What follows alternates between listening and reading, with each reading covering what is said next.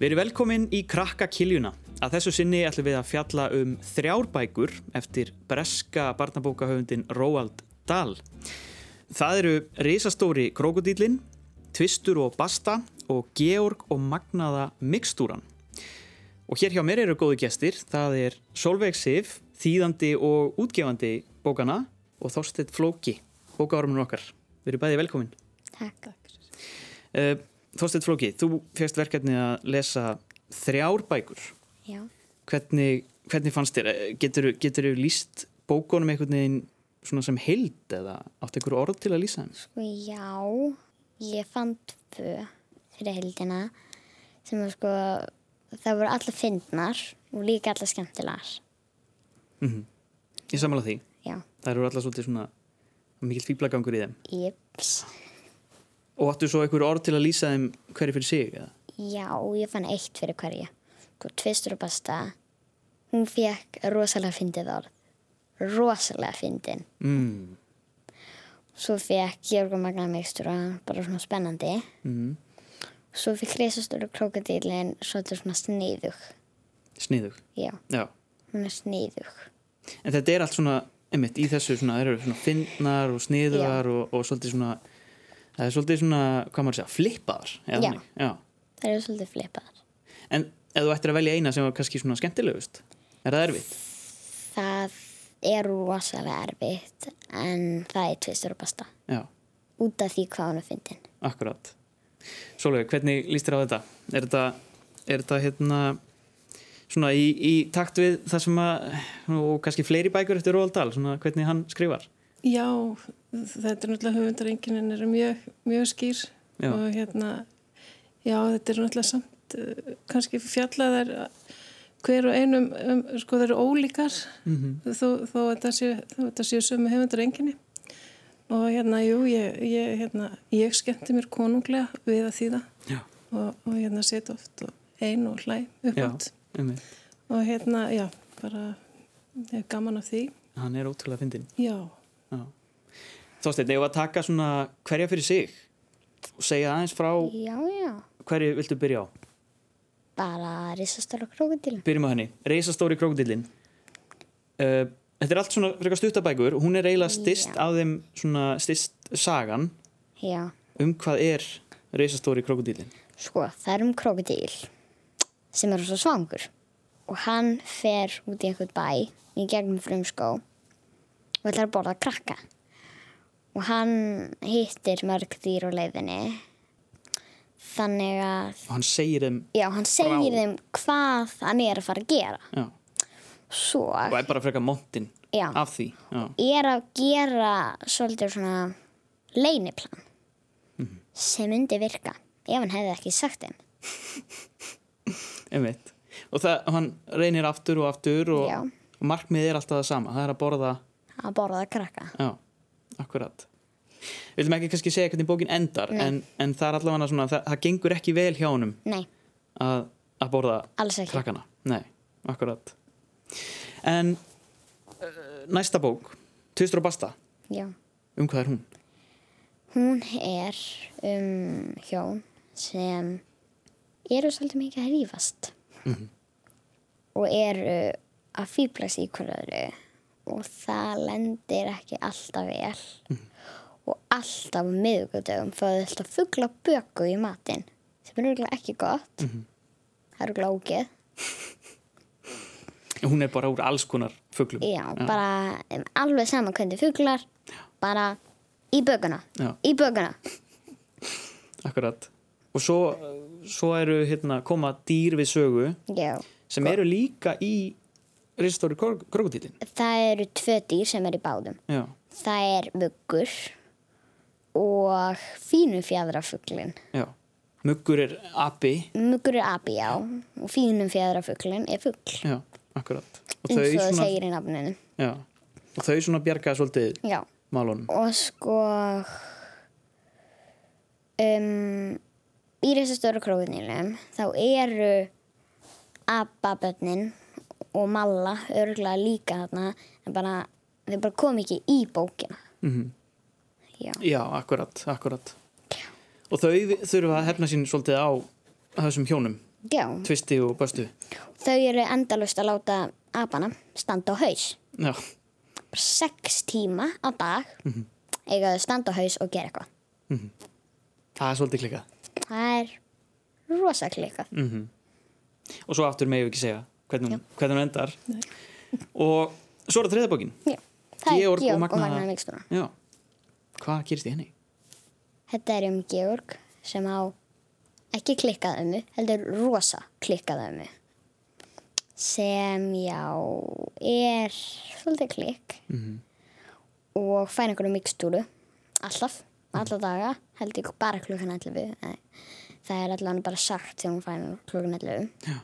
og Georg býtir nýja mikstúru og sem er svolítið ógæsleiri heldur en, það er fullt af ógeðslegum hlutum mm mannst eftir einhverju svona sem er í henni brún máling og smur og olja Já. og líka já, fullt, fullt af ógeð já, sem að maður vill ekki hafa í mikstúrunni hennar ömmu nei, nei, til dæmis sápa, já Það ég er myndi ekki gott. ekki vilja drakka það og hvað gerist þegar hún fær mikstúruna? ég vil ekki skemma bókina Nei, ok, við skulum ekki tala um það En hún allan að breytist svolítið Já, er það ekki? hún breytist. Já. Einmitt, og hvað hérna uh, Þetta eru svona uh, kannski svona stittri bækurnar hans Róald, Róaldsdal já, Það eru þarna þeir Mm. eru ekki lágar Georg Nei. og Magna Meistrann er lengst og hún er 106 blaðsur, ég manna og svo eru svona frægari, það er Mattildur og já, Jói Rísaferskjan og, og fleiri, það eru svona aðeins lengri hún BFG Hefur lesið þær líka? ég hef lesið Matildi Já. og svo l- hef ég hlustað á svona helmingin af BFG Já Fyrst er þessar ólíkar, svona þessum lengri sko þessar og reyngar bækunar eru náttúrulega svolítið ólíkar en samt einhvern veginn líkar því Og að það eru- eru allar eftir óaldar Já, og eru líka bara alveg að fyndar já, Það ekki? Já. allt rosa að finna bækur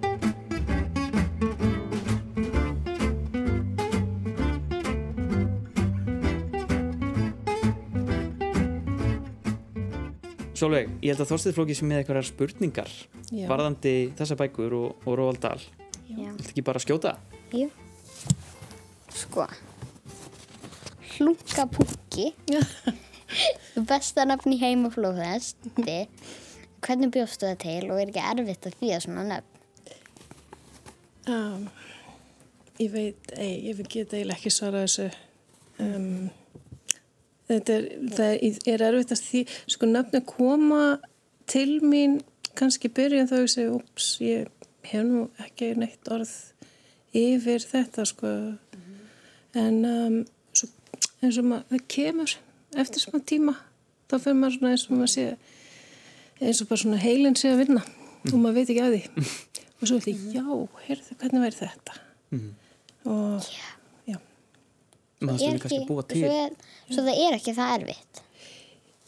já, sko, mér finnst það eiginlega alltaf fyrst þegar ég sé það bara veit ég ekki hvernig óskuparum maður á að leysa og ímest þess að kemur þarna Já. fyrir í bókunum, en, En svo Eh. bara kemur það. ekki, það kemur, það er maður einhvern veginn, já, maður er svolítið að hugsa og, já. Já. En hefur þú þýtt fleiri bækur eftir óldal? Um, ég, já, ég þýtti BFG, Já. uh, Matildi Já. og Nortnirnars. Já. og nú er refurinn ráðagóði eitthvað staðar á leiðinni til okkar þannig að já, þetta er svona heldur áfram vonandi Já. Já. En hvaða bók er uppáðs bókin eftir óldal? mm, já, erfitt með að svara þessari spurningu að því að Það eru svo margar já, þær eru svo margar og mér finnst eiginlega bara svo bók sem ég er að þýða í það skiptið er skemmtilegasta bókin það er, ég ég get eiginlega ekki Það er svo þegar þú byrjar því að nýja bók, þá verður hún já, skemmtilegust. það er nefnilega þannig Svo það er eiginlega bara allar. eiginlega bara allar, já Þú mínum að til það, mm, því að það er eiginlega eina bóki sem ég hef lesið eftir hann. já, ok Nei, nú erum við lesið þrjári viðbútt Já, Þannig að svo ég hef Saxar á lesið þetta? fjórir. Já. Já. En hvernig byrjar þú að þýða bók?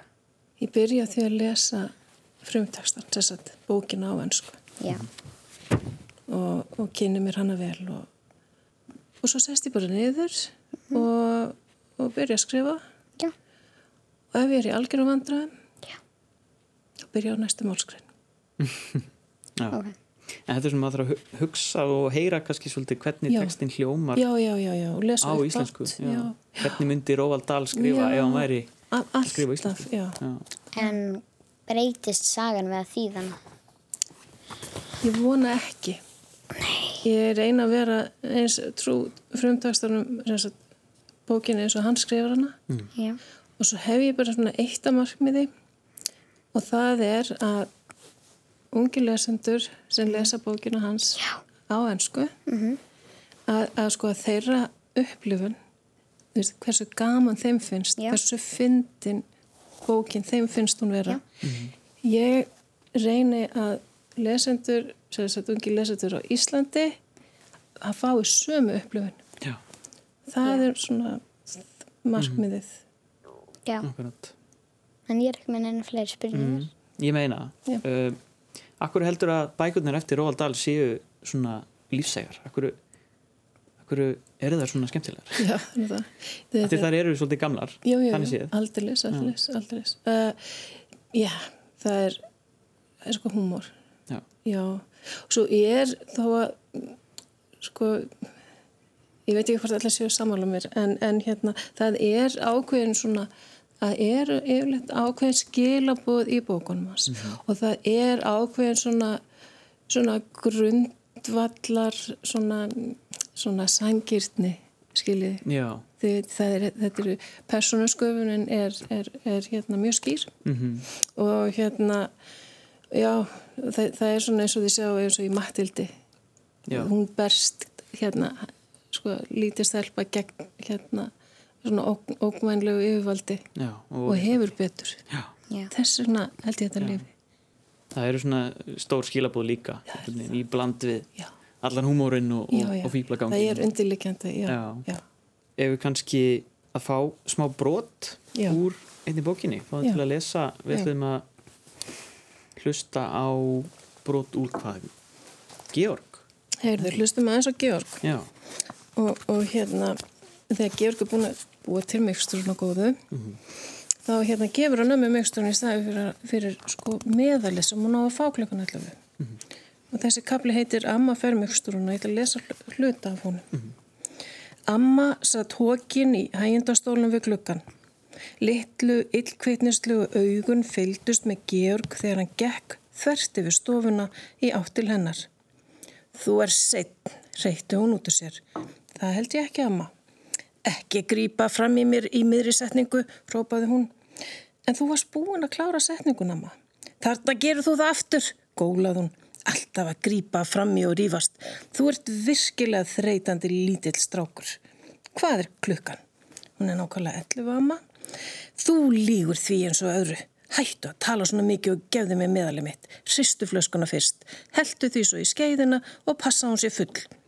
Ætlar að solgra því öllu í þig í einu, spurði Georg. Eða viltu litla sopa? Þér kemur ekkert við hvað ég geri, sagði gamla konan, fylltu skeiðina. Á meðan Georg fjarlæði kortapan og heldi brún í jukkinu, rólaði í matskeiðina, leiti hann hugan allir því merkjaða og magnaða dóti sem hefði farið í þessa trilltu blöndu. Raksápan, háreðingakremið, flösumiðalið, þvottaefnið fyrir sjálfurka þvottavilar, flóapúðri fyrir hunda, skóaburðurinn, svarti piparinn, piparótasósan og allt hitt. Að óglemdum kraftmiklu dýralifjunum í duft og vökuformi og brúnumálningunni. Opna vil munnin, amma, sagði hann og ég smelli þessu upp í þig. Gamla skessan opnaði litla rukkót á munnin og síndi viðbjóslega ljósbrúnar tennusnar. Hér kemur mygstur hann, rópaði Georg upp yfir sig. Gingja svo, hann setti skeiðun upp í munn hennar og held ofin í hálsin á henni. Síðan tók hann skref tilbaka og beigð eftir að sjá árangurinn. Hann leti ekki á sér standa. Amma eftir, óví, og um leið skauðst líka með hennar upp í loft svo kvein í. Það var eins og einhver hefði komið fyrir ramaksvír undir sessunu í hægindastólnum og leift ströymi á og upp í loft skust hún eins og kassatrúður og að hún kom ekki niður. Hún var bara þarna, svífandi í lausu lofti, svona í metersæð, ennþá í sitjandi stöðu, bara stjörf, frosin, tinandi, augun útstæð, hárið stóð beint út í loftið. Er eitthvað að amma, spurði Georg hana kurtislega. Er allt í lægi með þig? Svo gamla kom ekki upp orði, svífandi svona í loftinu.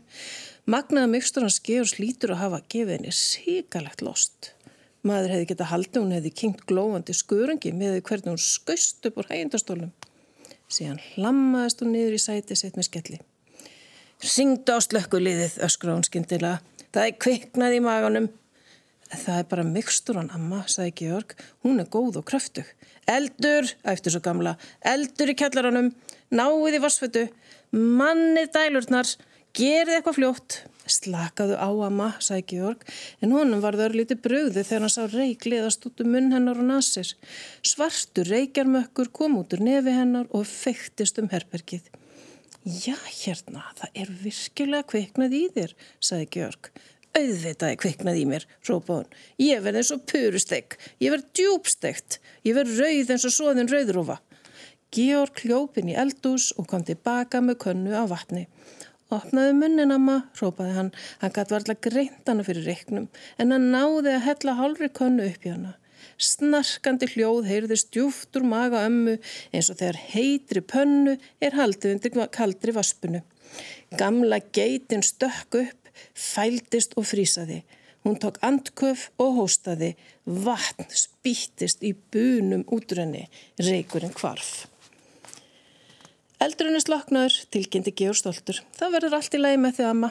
Allt í lægi, öskraði hún. Hver er allt í lægi? Það er tífólibamba í maganum á mér. Það eru yrmlar í vömbinni. Það er raketta í afturöndunum. Hún byrjaði að hoppa upp og niður á stólunum. Það var deginu ljósara, henni leiði ekki vel. Ja, þú mann komast að því að þessi mikstra gerir þig mjög gott, amma, sagði Georg. Gott, sagði hún. Gera mér gott. Hún er að drepa mig. Síðan byrjaði hún öll að þrútna. Hún var að belgjast út. Hún var öll að blása upp. Einhver að blása hann upp, þannig leitt átt. Mynd hún springa. Andlit hennar breytist frá því að vera fjólublátt í að vera grænt. En býðu nú hæg, hún var með gat einhver staðar. Georg heyrði loft kvissast út. Hún var hætt að blásast upp. Hún var að koma niður. Smám saman varð hún minni, skrapp saman rólega og varð sama gamla sveskjan eins og hún áttaði sér að vera. Allt í góðu, amma, spurði Georg. Ekkert svar. Þetta er ótrúlega fyndið. Já. Þetta er ekki beint svona hefbundið samband ömmu og Nei, barnabarns. nei, þetta er það ekki. Nei, ekki, ekki æskilegt. Nei. Nei, en hann er að reyna hjálpinni. Já, Hann er ekki að reyna að að gera neitt annað, sko, bara að reyna að laga. já, Já, þannig hún verði ekki svona afundin og leiðilega. já. Já, Aðeins að kannski kenninni leksu því samt. Í, í, sko, í það er leiðinni. nú spurningin, sko, hvort það séu nú ekki þarna, Já. undirlíkandi líka, jú, jú. Það fær á tilfinninguna. Já, svona þegar að brúnamálingin gefur, sko. Já, Og jú, jú, þá, þá er þetta kannski hann hafi aðeins svona mist, hérna, mistrið í þessu. stjórnin á. Já. þessu. Já, akkurat. Og eru fleiri Róaldal bækur á leiðinni eða? Já, já, já, það er unna rifrun ráðgóði Já, og hérna og fleiri. Já, ég það er er nóg að bara- taka. Það er það, mér langar að sjá þetta, mér langar að börn, uh, ungi lesendur á Íslandi, Mhm. hafi aðgang á þessum bókum já, og hérna þær hafna ekki verið fáhónlegar uh, lengi og, og vonandi allavega tekst mér að laga það, Já. sem sagt frambóð að ykkur leiti. akkurat. Þannig við komaði bara allar. Já, vonandi. En svoleið þú heldur bara áfram að- að þýða Róaldal og við fylgjum bara Já. spennt með. Þorsteit Flóki, takk hérlega fyrir að koma í þáttinn og segja okkur frá. Já. og ef þið viljið koma í krakkakilina þá endilega sendu okkur línu á krakkarúf hjá rúf.is og sendu okkur myndband og segið okkur frá því af hverju þið viljið vera með og kannski aðeins frá uppáhaldsbókinni en þetta er búið hjá okkur í byli, verið sæl